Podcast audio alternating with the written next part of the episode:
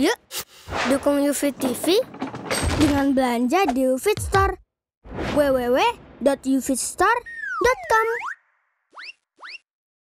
Bismillahirrahmanirrahim. Assalamualaikum warahmatullahi wabarakatuh. Alhamdulillahi rabbil alamin. Wabihi nasta'inu ala umri dunia wa din. وصلى الله على نبينا محمد وعلى آله وصحبه أجمعين أما بعد Kita panjatkan puja dan puji syukur kehadirat Allah Tabaraka wa Ta'ala Pada kesempatan malam yang berbahagia kali ini Kita kembali diberi kekuatan, kesehatan, hidayah serta taufik dari Allah Jalla wa Ala Sehingga kita bisa kembali menghadiri kajian rutin untuk membahas adab dan akhlak di dalam Islam.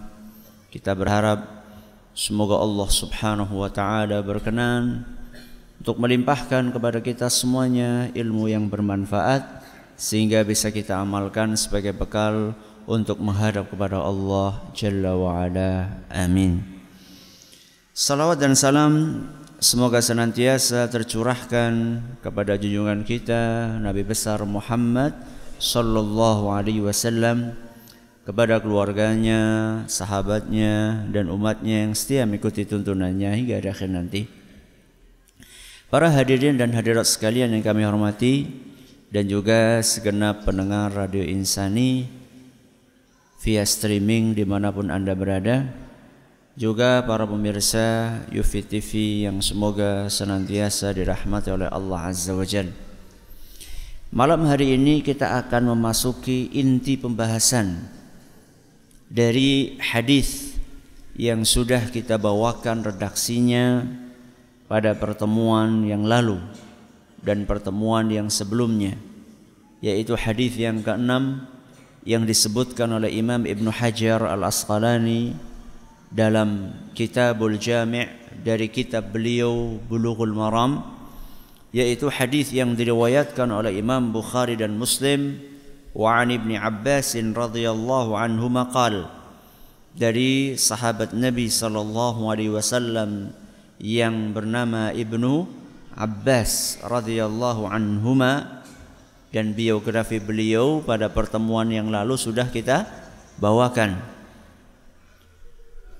Qala qala Rasulullah sallallahu alaihi wasallam beliau berkata Rasulullah sallallahu alaihi wasallam bersabda Idza akala ahadukum ta'aman kalau salah seorang dari kalian selesai makan kalau salah seorang dari kalian selesai makan fala yamsah yadahu maka hendaklah dia tidak mengusap tangannya Tindaklah dia tidak mengusap tangannya hatta yal'aqaha sampai dia menjilati tangannya au yul'iqaha atau memerintahkan orang lain untuk menjilati tangannya. Muttafaqun alaih hadis riwayat Bukhari dan Muslim. Pembahasan tentang hadis ini akan kita bagi menjadi beberapa poin. Yang pertama, kapan etika ini dilakukan? Setelah itu kita akan bahas apa yang dimaksud dengan menjilat. Caranya bagaimana? Siapa yang menjilat?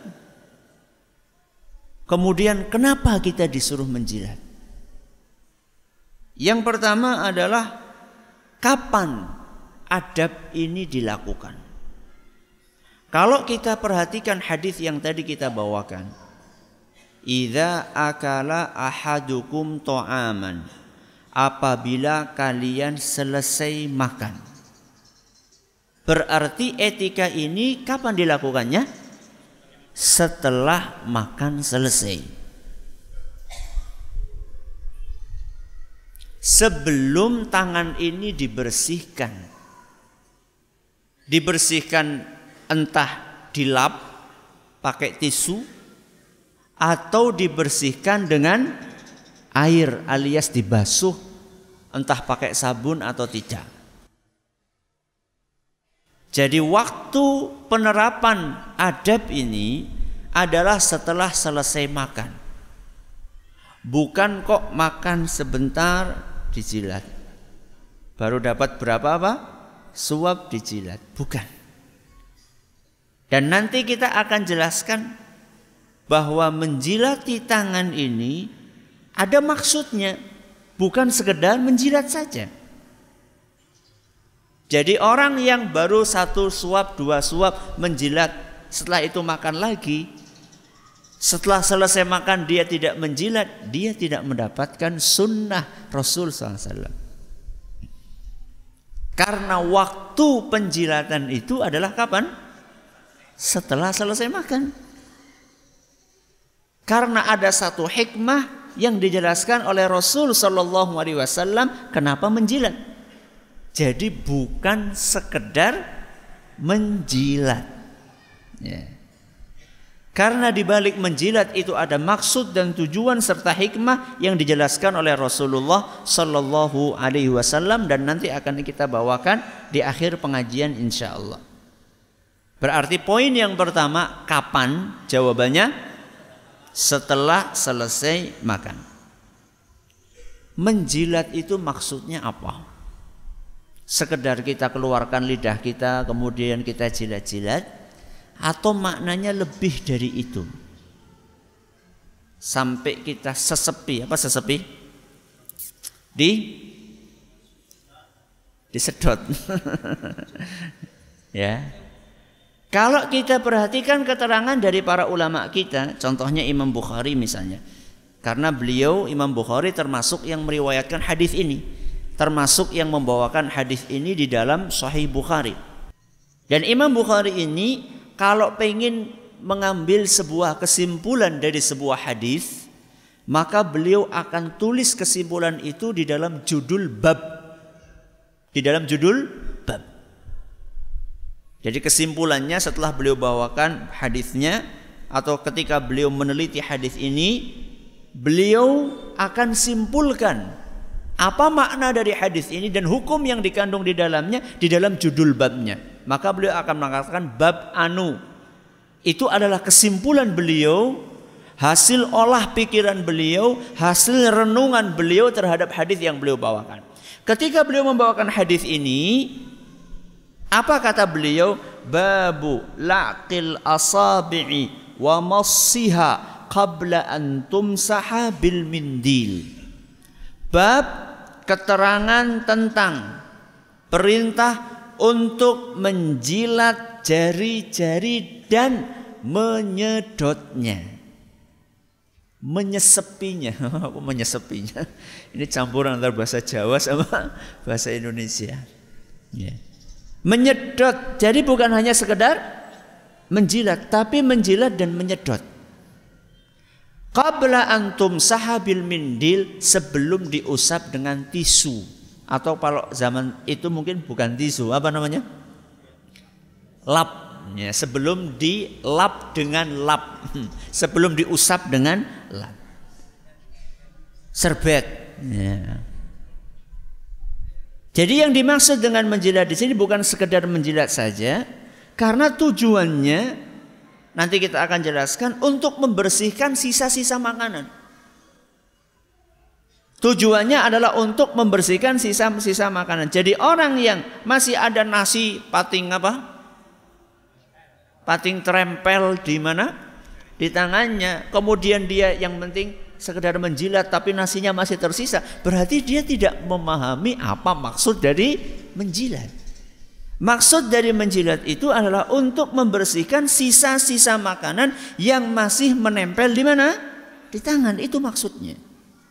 Sehingga kemudian Imam Bukhari sampai beliau membawakan dan menambahkan kata-kata menyedot, nyesepi karena kadang-kadang ada beberapa jenis makanan yang untuk membersihkannya nggak cukup hanya sekedar dijilat.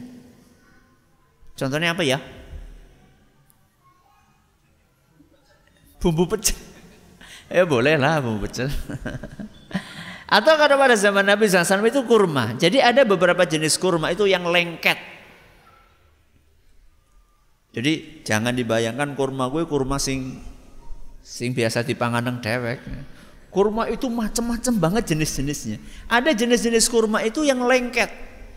Bukan karena dikasih gula Jawa. Bukan, di sana nggak ada gula Jawa. Tapi memang aslinya seperti itu. Kalau panjenengan pernah lihat kurma yang pres-presan, kurma yang di dipres, itu ketika kita ambil itu sampai apa? nempel lengket itu bukan dikasih gula, memang aslinya seperti itu. Makanya kurma itu namanya kurma sukari. Dari kata-kata sukar, sukar itu artinya gula. Jadi kurma yang kayak dikasih gula, tapi nggak dikasih gula, memang aslinya seperti itu. Nah kurma-kurma yang seperti itu, ketika kita jilat karena nggak belum bersih banget, maka perlu disesep supaya bersih benar, supaya bersih benar. Ini makna dari uh, menjilat. Berikutnya yang dijilati apa? Karena tadi kalau kita baca hadis Nabi Shallallahu Alaihi Wasallam, fala yamsah yadahu. Jangan dia mengusap tangannya sampai dia menjilatinya. Berarti nya itu kembali ke mana? Ke tangan. Tangan itu mana? Ini tangan bukan? Lengan. Bagian dari tangan? Iya. Sekarang kalau misalnya kita disuruh wudhu, disuruh membasuh tangan, sampai mana? Siku. Berarti ini tangan bukan? Tangan. Ketika ada syariat potong tangan, maksudnya mana? Hah? Mana? Sampai sini? Bukan. Sampai sini. Yang namanya menjilati tangan itu tangan yang mana? Tangan yang sini sampai ke pergelangan atau sampai sini? Ya kesel banget, Bok. tangan yang mana? Jadi-jadi. Ada sebagian orang nek mangan gue segani gudul ngene-ngene. Gimana coba? Tergantung bagian tangan itu yang dipakai untuk makan yang mana. Kalau misalnya yang dipakai untuk makan adalah jari-jari saja, berarti yang dijilati ya jari-jari saja. Kalau yang dipakai itu bahkan sampai apa? Telapak tangannya, anak-anak kecil kan orang kalau makan kan digini-giniin ya. Wah gitu kan. Maka yang dijilati ya yang kena makanan. Tapi ngomong-ngomong ada nggak orang yang makan sampai ini? Gak ada. Ada? Gak ada ya? Kayaknya gak ada ya. Makanan jenis apa itu yang memakan sampai sini? Gak ada. Jadi kesimpulannya yang dijilati apa? Anggota tangan yang dipakai untuk makan. Makanya kalau kita perhatikan hadis Rasul Shallallahu Alaihi Wasallam lebih spesifik lagi saya bawakan adalah hadis yang diriwayatkan oleh Imam Muslim dari seorang sahabat Nabi SAW namanya Anas bin Malik radhiyallahu anhu. An Anasin anna Rasulullah sallallahu alaihi wasallam kana idza akala ta'aman kata Anas bin Malik radhiyallahu anhu bahwasanya Rasulullah sallallahu alaihi wasallam kalau makan makanan laiqa asabi'ahu thalath. Beliau akan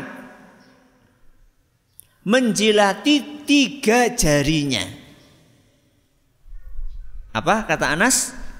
Beliau SAW kalau makan akan menjilati tiga jarinya Kenapa kok yang dijilati cuma tiga jari? Karena yang dipakai cuma tiga jari. Tiga jari itu apa coba? Tiga jari ini atau ini atau ini atau ini.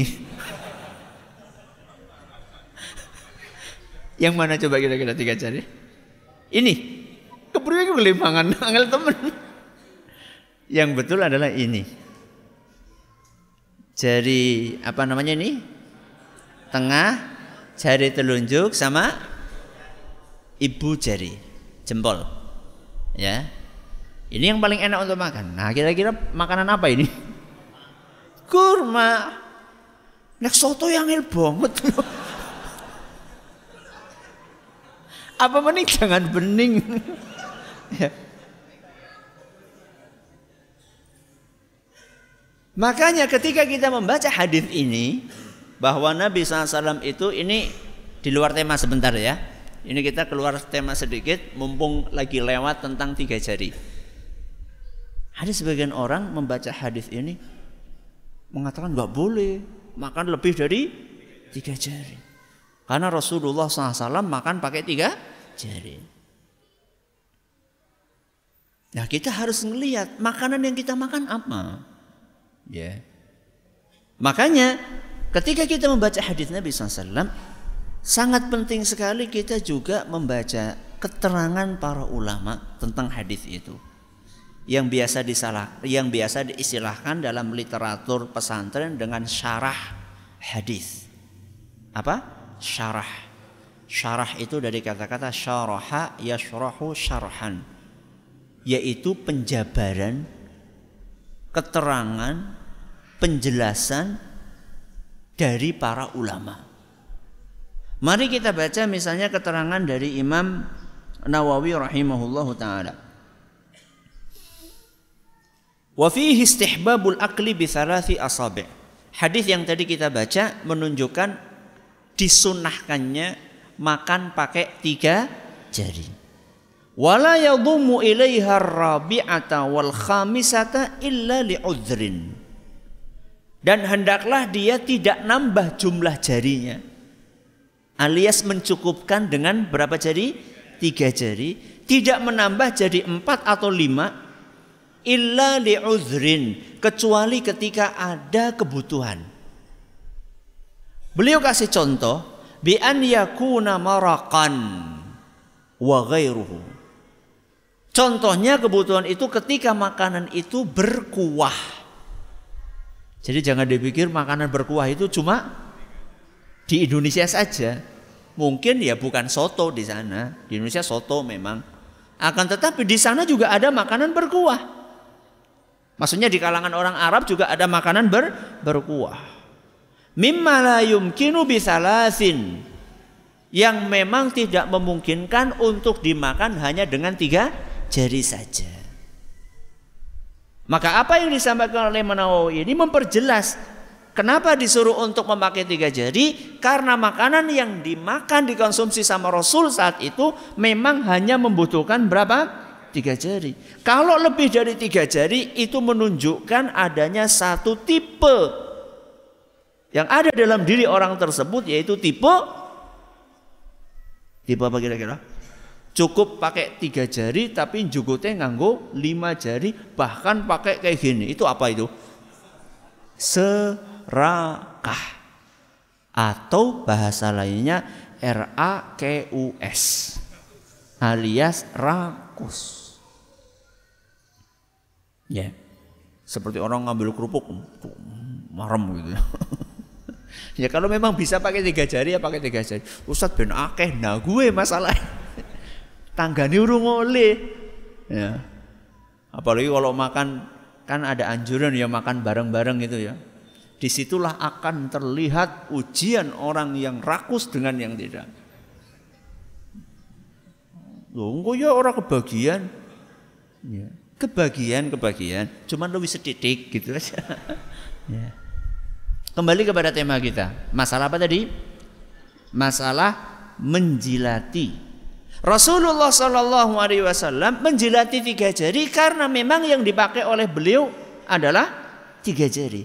Tapi ketika makannya lebih dari tiga jari, bahkan mungkin kita membutuhkan telapak tangan ini, maka yang dijilati ya yang dipakai itu. Tayyib. Sekarang tiga jari ini ada beberapa keterangan dari hadis Rasul SAW bahwa tiga jari ini ada urutannya ketika menjilat. Ada urutannya ketika menjilat. Kira-kira dari mana dulu? Jempol disit, apa ini dulu, apa ini dulu kira-kira? Tengah. Kenapa kok tengah? Paling dawa. Terus kenapa naik paling dawa?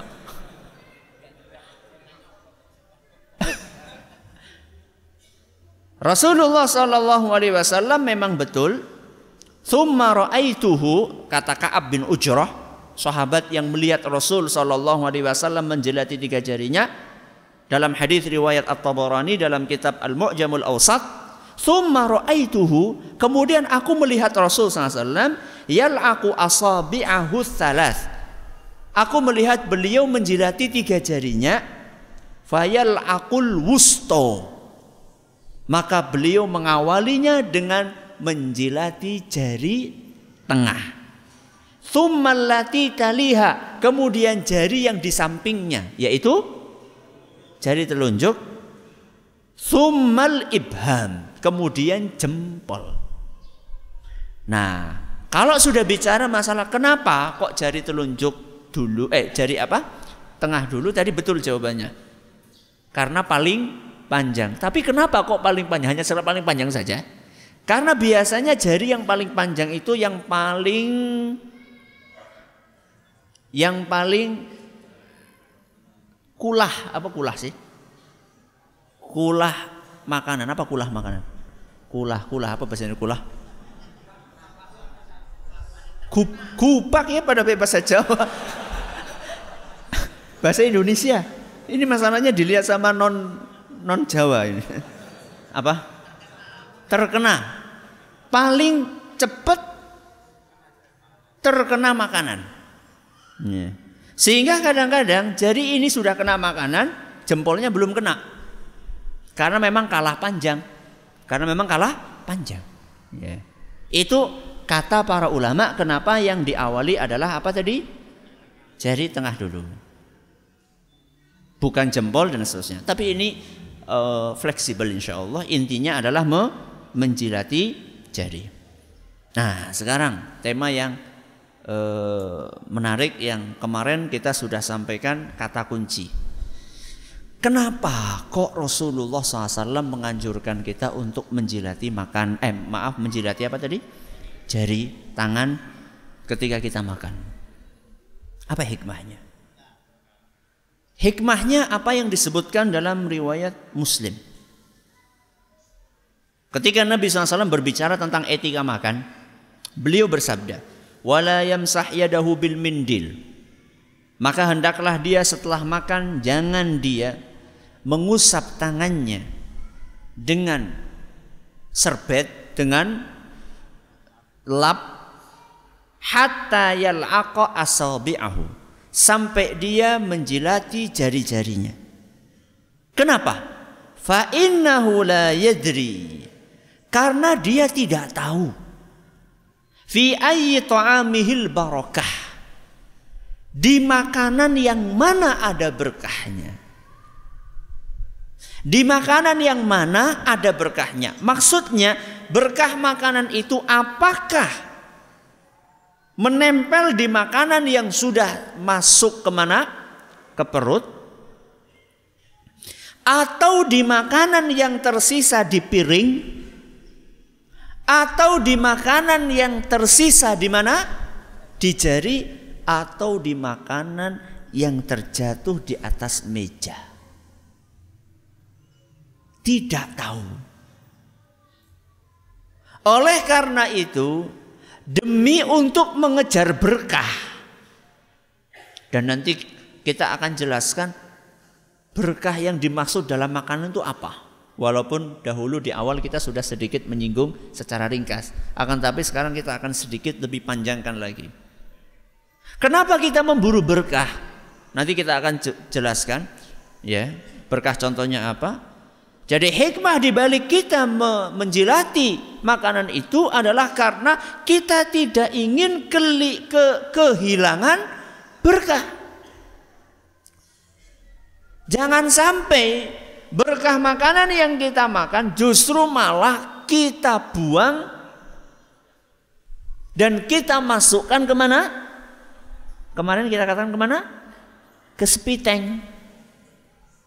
Karena ketika masih ada nasi tersisa di tangan, kemudian belum sempat kita jilati, langsung kita cuci tangan di wastafel, ternyata Allah menghendaki bahwa berkah itu ada di nasi yang kita cuci dengan tangan kita yang kotor, yang masuk justru bukan yang berkah ke perut kita, yang berkahnya malah kita buang lewat wastafel masuk ke mana?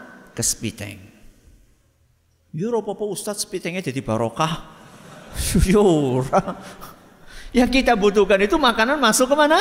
Ke perut kita. Ya.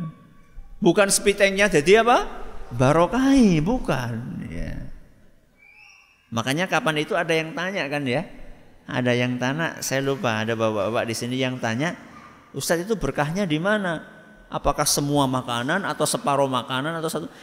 Makanya Rasulullah SAW mengajarkan menjilat ini karena kita tidak tahu apakah berkahnya semua makanan atau separohnya atau yang sebelah pojok atau yang sebelah tengah atau yang sebelah kanan kita nggak tahu makanya dihabiskan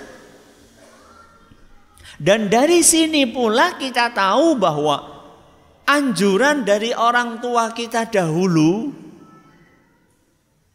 Ketika makan melihat anaknya makan pating tercecer-cecer makanannya, apa kata mbah kita dulu? Apa? Pitiknya mati. Hah? Bok ayamnya mati? Bojone ora ayu. Sebenarnya intinya itu adalah bisa jadi makanan yang jatuh itu malah yang ada berkahnya. Jadi etika supaya makan itu hendaklah tidak pada jatuh-jatuh, hendaklah tidak jatuh-jatuh makanannya, itu sebenarnya adalah etika yang sangat dianjurkan di dalam agama kita. Ya. Makanya di dalam agama kita dianjurkan kalau makanan jatuh itu diambil. Ya. Ustaz nanti kalau kena kuman gimana Ustaz? Ya bukan makanan yang kemarin maksudnya. Ya jatuh misalnya saat itu juga diambil. Dan kata para ulama kecuali kalau misalnya jatuhnya ke tempat yang kotor. Kalau jatuhnya ke tempat yang kotor masih bisa dicuci, dicuci. Contohnya apa yang bisa dicuci? Buah. Buah apa? Duren. Buah apa ya? Apa? Apel. Nah, apel. Apel, pir. Apa lagi? Mangga. Mangga kalau sudah tua banget ya, nanas betul ya. Masih bisa dicuci. Tapi kalau kayak duren jatuh itu dicuci entong. Jadi makanan yang masih bisa dicuci dicuci. Dimakan. Kecuali makanan yang sudah tidak bisa untuk dicuci lagi. Terus kalau tidak dicuci, diapain? Perhatikan kata para ulama, hendaklah dikasihkan kepada hewan ternak. Subhanallah.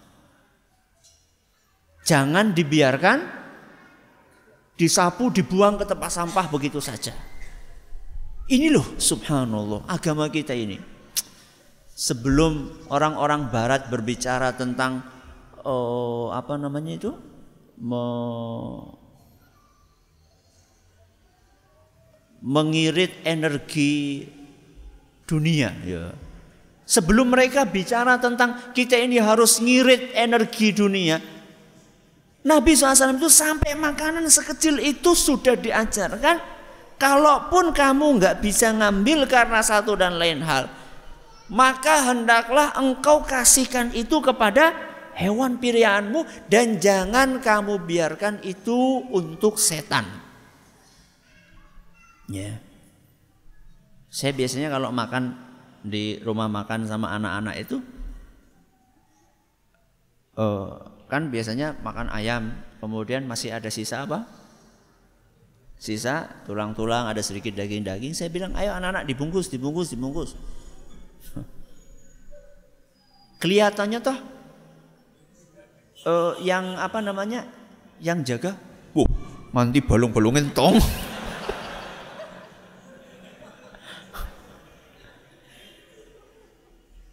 Padahal ya enggak loh, masa nanti balung-balung.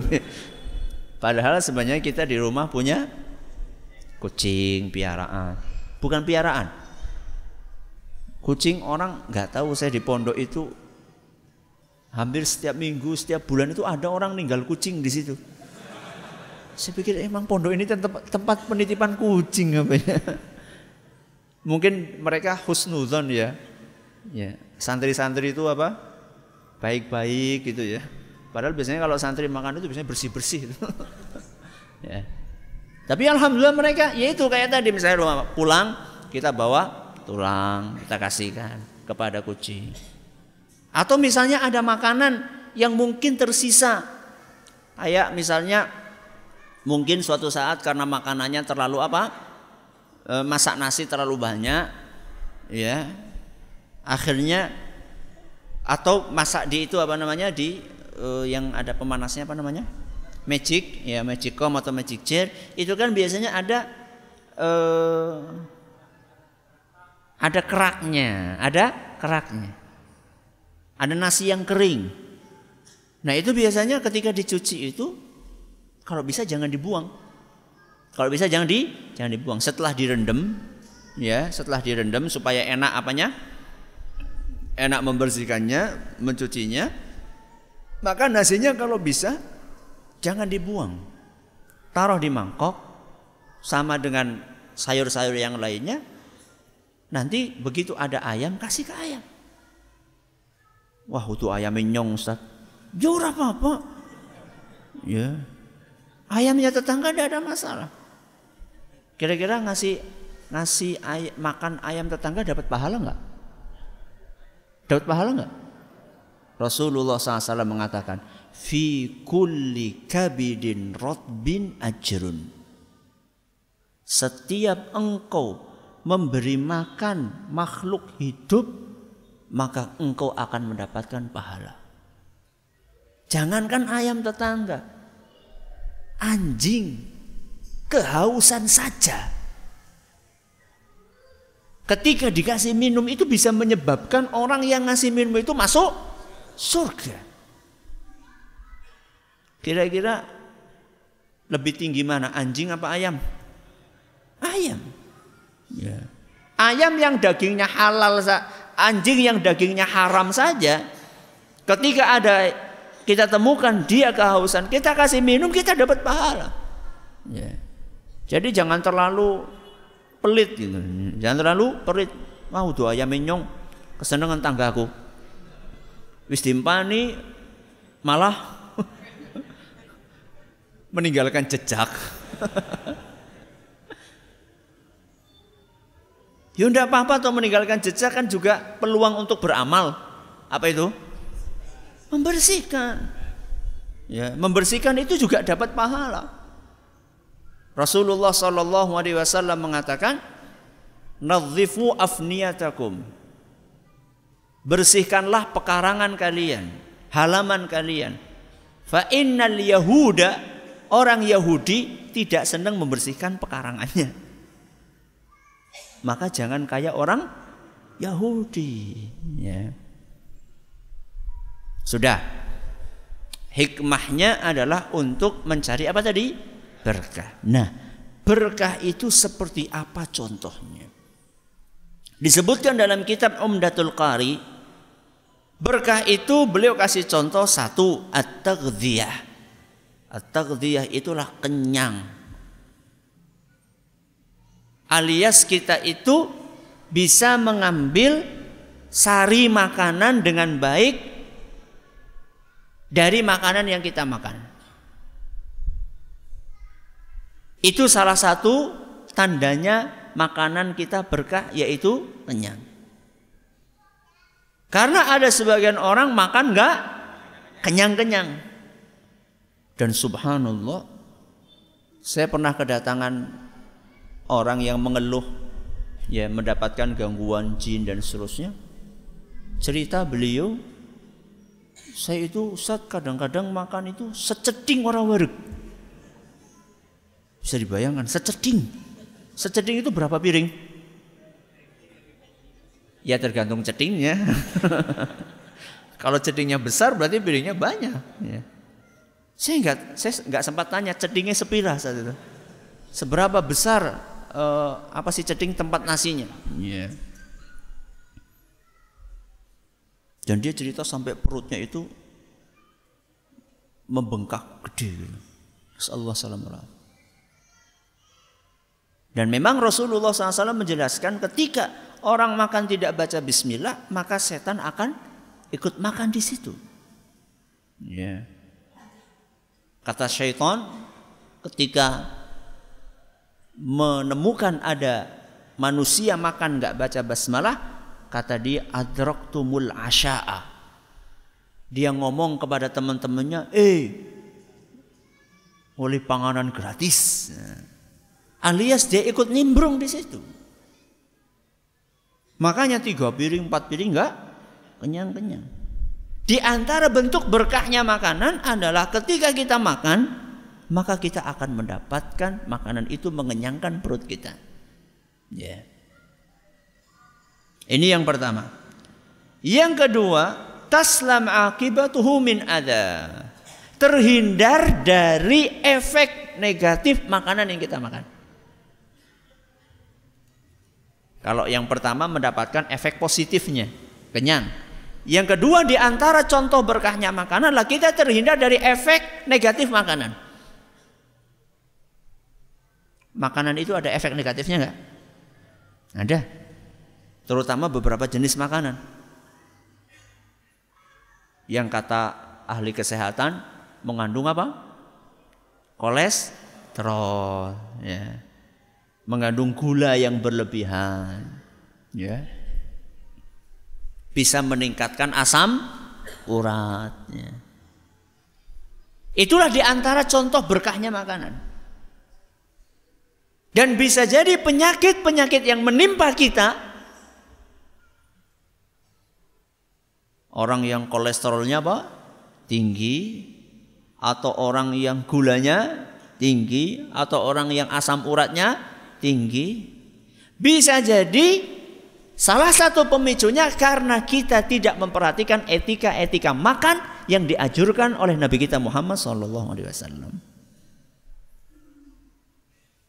Maka seharusnya pembahasan tentang kesehatan Seharusnya itu tidak dibahas ansih tentang biologi kimianya.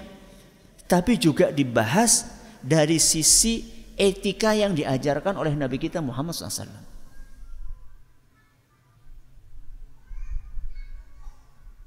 Tahu nggak Rasulullah SAW selama hidupnya sakit berapa kali? Pernah. Berapa kali? Satu atau dua kali. Usia beliau berapa? 63 tahun. Saya pernah uh, bahas masalah ini tentang tentang kesehatan Rasul SAW dalam sebuah kajian judulnya Sehat Jasmani Rohani. Kenapa tidak? Itu saya sampaikan di Masjid Agung Purbalingga. Kayaknya masih ada rekamannya insya Allah di yufit.tv atau bisa dicari di YouTube. Sehat Jasmani Rohani. Di situ kita bahas bagaimana Rasulullah SAW makan, mulai dari posisinya, kemudian porsi makannya, kemudian jenis makanannya. Ternyata ketika itu dilakukan akan mendatangkan kesehatan dan sudah terbukti Rasulullah SAW sendiri yang sakit selama 63 tahun cuma satu atau dua kali. Kalau kalau kita berapa?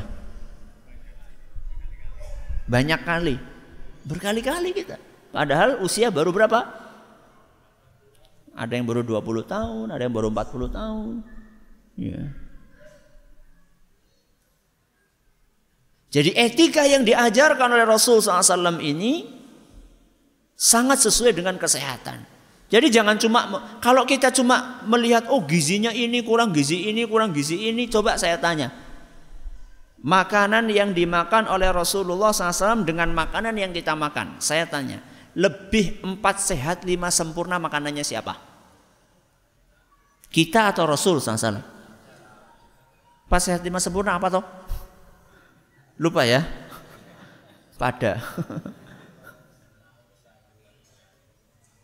ya apalah karbohidrat terus apalagi ya buah-buahan sayur-sayuran terus macam-macam gitu susu ya ternyata susu sapi bukan susu kambing ya. Yang diminum oleh Rasul SAW susu kambing ya. Berarti nggak boleh Ustaz minum susu sapi? Ya boleh. Yang nggak boleh itu siapa? Ya. Ini adalah yang kedua terhindar dari efek negatif. Yang ketiga ini yang lebih penting dari dua yang tadi itu. Yang ketiga yuqawwi ala ta'atillahi ta'ala membuat fisik kita ini kuat untuk beribadah kepada Allah. Itulah indikator yang terpenting dari keberkahan makanan. Setelah makan dan minum, ibadah itu terasa nyaman. Bukan malah setelah makan dan minum jadi ngantuk bebek apa? Ngapa-ngapa? Ya, bebek ngaji bebek sholat bebek ini. Seperti orang-orang yang menjadikan buka puasa sebagai wahana untuk balas dendam oh wis kawit esok orang mangan kok kesempatan ini untuk balas dendam. Akhirnya orang kuat nggak terawehan ya. Ketika ruku antuk metune sega saking apanya? Saking full tanknya saking penuhnya menurut. Gak seperti itu berkahnya makanan. Iya. Berkah-berkah makanan ini akan kita dapatkan ketika kita mempraktekkan sunnah Nabi SAW salah satunya menjilati apa tadi? Tangan setelah makan. Masih ada pembahasan yang lainnya? Dari sisi kesehatan. Penelitian kedokteran modern membuktikan bahwa ternyata menjilati tangan ini ternyata sangat baik untuk kesehatan. Dan ini akan kita bahas pada pertemuan yang akan datang. Terus pembahasan yang lain juga yang akan dibahas. Kalau tidak kita jilati, apa resikonya? alias kita dosa atau tidak dosa. Pembahasan yang lain yang masih akan kita bahas pada pertemuan yang akan datang. Kalau misalnya kita jilati terus membuat orang jadi hi gitu. Itu bagaimana? Terus kasus yang kalau tidak dia jilati dijilatkan kepada orang lain. Orang lain itu siapa? Ternyata pembahasannya sih banyak dan gak cukup kita bahas hari ini. Insya Allah kita akan bahas pada pertemuan yang akan datang. Sudah terdengar suara adzan silakan. Alhamdulillahirobbilalamin. Salatu wassalamu ala nabiyina Muhammadin wa ala Kita akan ringkas apa yang sudah kita sampaikan pada pertemuan barusan. Yang pertama, etika menjilat tangan setelah makan ini dilakukan kapan? Setelah selesai makan, bukan di tengah-tengah makan. Kemudian poin berikutnya makna menjilat. Menjilat bukan hanya sekedar menjilat tapi juga seandainya makan itu memang perlu untuk lebih bersih lagi tangannya maka bukan hanya menjilat tapi juga bisa diiringi dengan apa tadi? menghisap apa yang dijilat dari tangan ini? Apa? Bagian tangan yang dipakai untuk makan. Bisa jadi jari, bisa jadi sampai telapak. Kalau yang dipakai cuma tiga, berarti ya cuma tiga jari. Dan tiga jari yang dipakai oleh Rasul SAW adalah jari apa tadi? Jari tengah, jari telunjuk dan jari ya, ibu jari.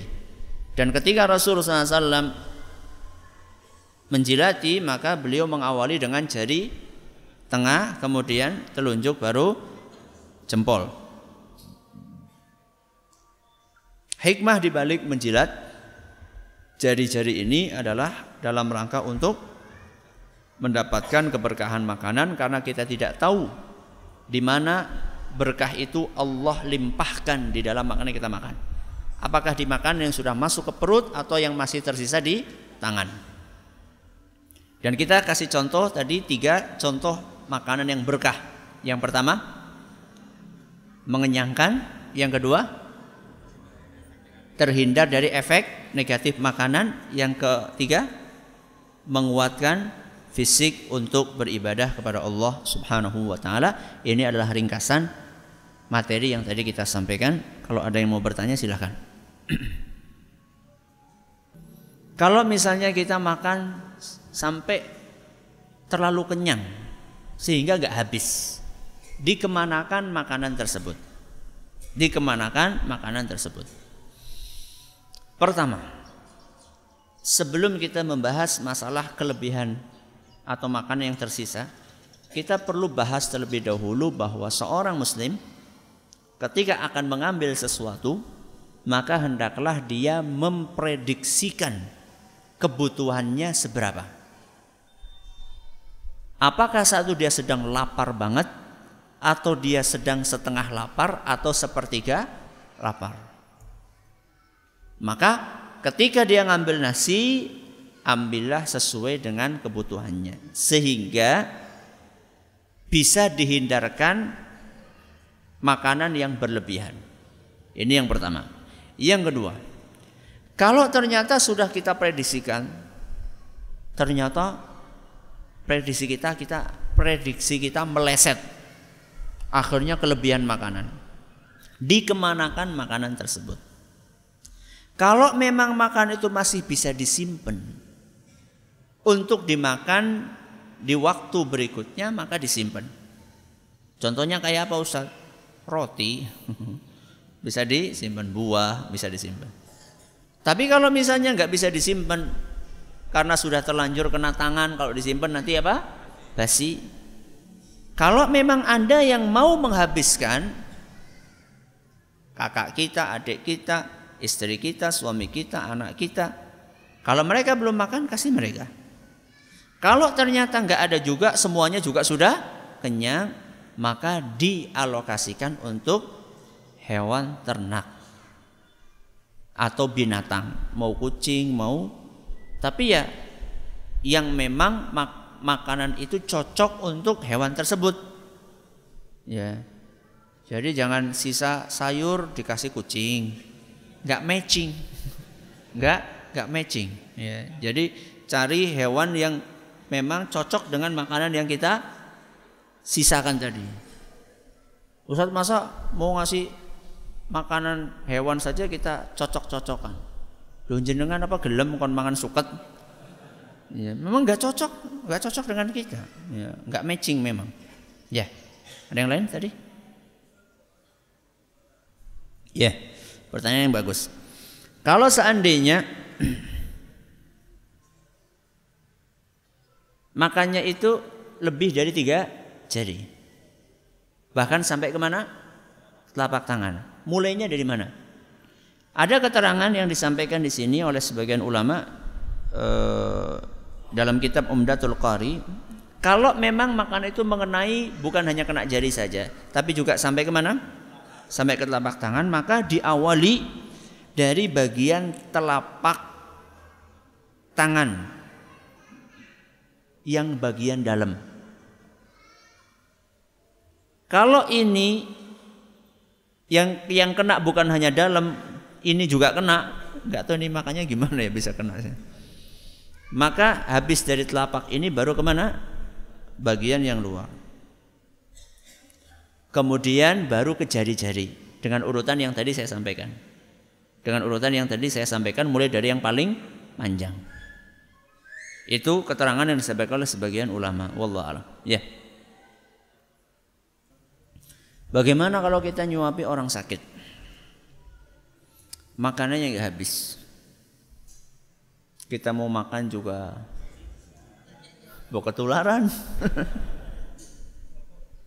Kalau kita tahu dia itu makannya sedikit, karena nggak setiap orang sakit makannya sedikit. Ada sebagian orang itu sakit nggak sakit makanya sedikit kok banyak. banyak maksudnya. Ada orang sakit nggak sakit makanya banyak. Kalau kita tahu ini makanya sedikit dan kita khawatir nanti kalau habis nanti akan entah dikemanakan dan kemungkinan besar kalau di rumah sakit itu di dibuang ya. Maka sebelum dia makan sudah kita taruh. Sebelum dia makan sudah kita taruh.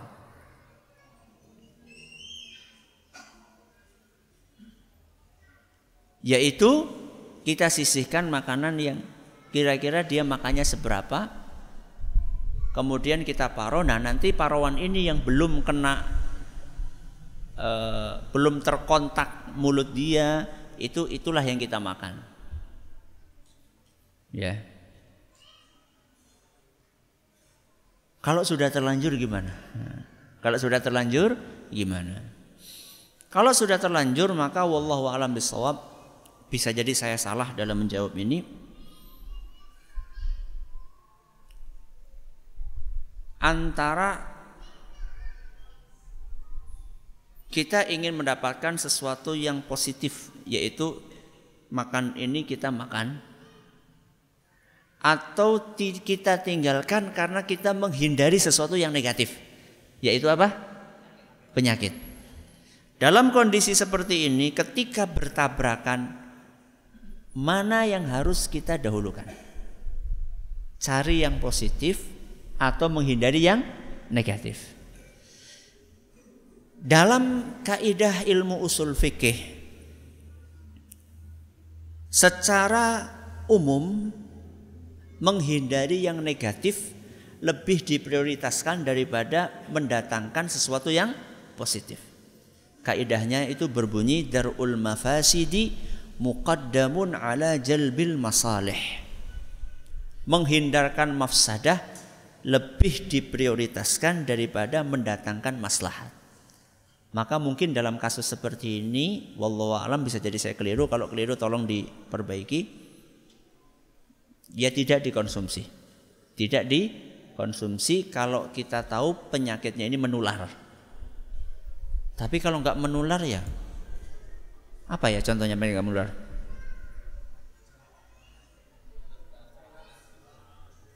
Patah tulang. Patah tulang orang menular bukan Ya. Contoh yang nular apa? Liver, hepatitis. Ya, itu kan menular ya, menular. Maka kalau memang kita tahu penyakitnya menular maka uh, lebih baik tidak. Wallahu alam Sekira cukup ya. Terima kasih atas perhatiannya. Mudah-mudahan itu bisa menjadi amal jariah kita semua bekal menghadap kepada Allah Subhanahu wa taala. Wallahu taala ala wa alam. Mohon maaf atas segala kurangan. Kita tutup dengan membaca Subhanakallahumma bihamdika asyhadu an la ilaha illa anta astaghfiruka wa atubu ilaik. Assalamualaikum warahmatullahi wabarakatuh.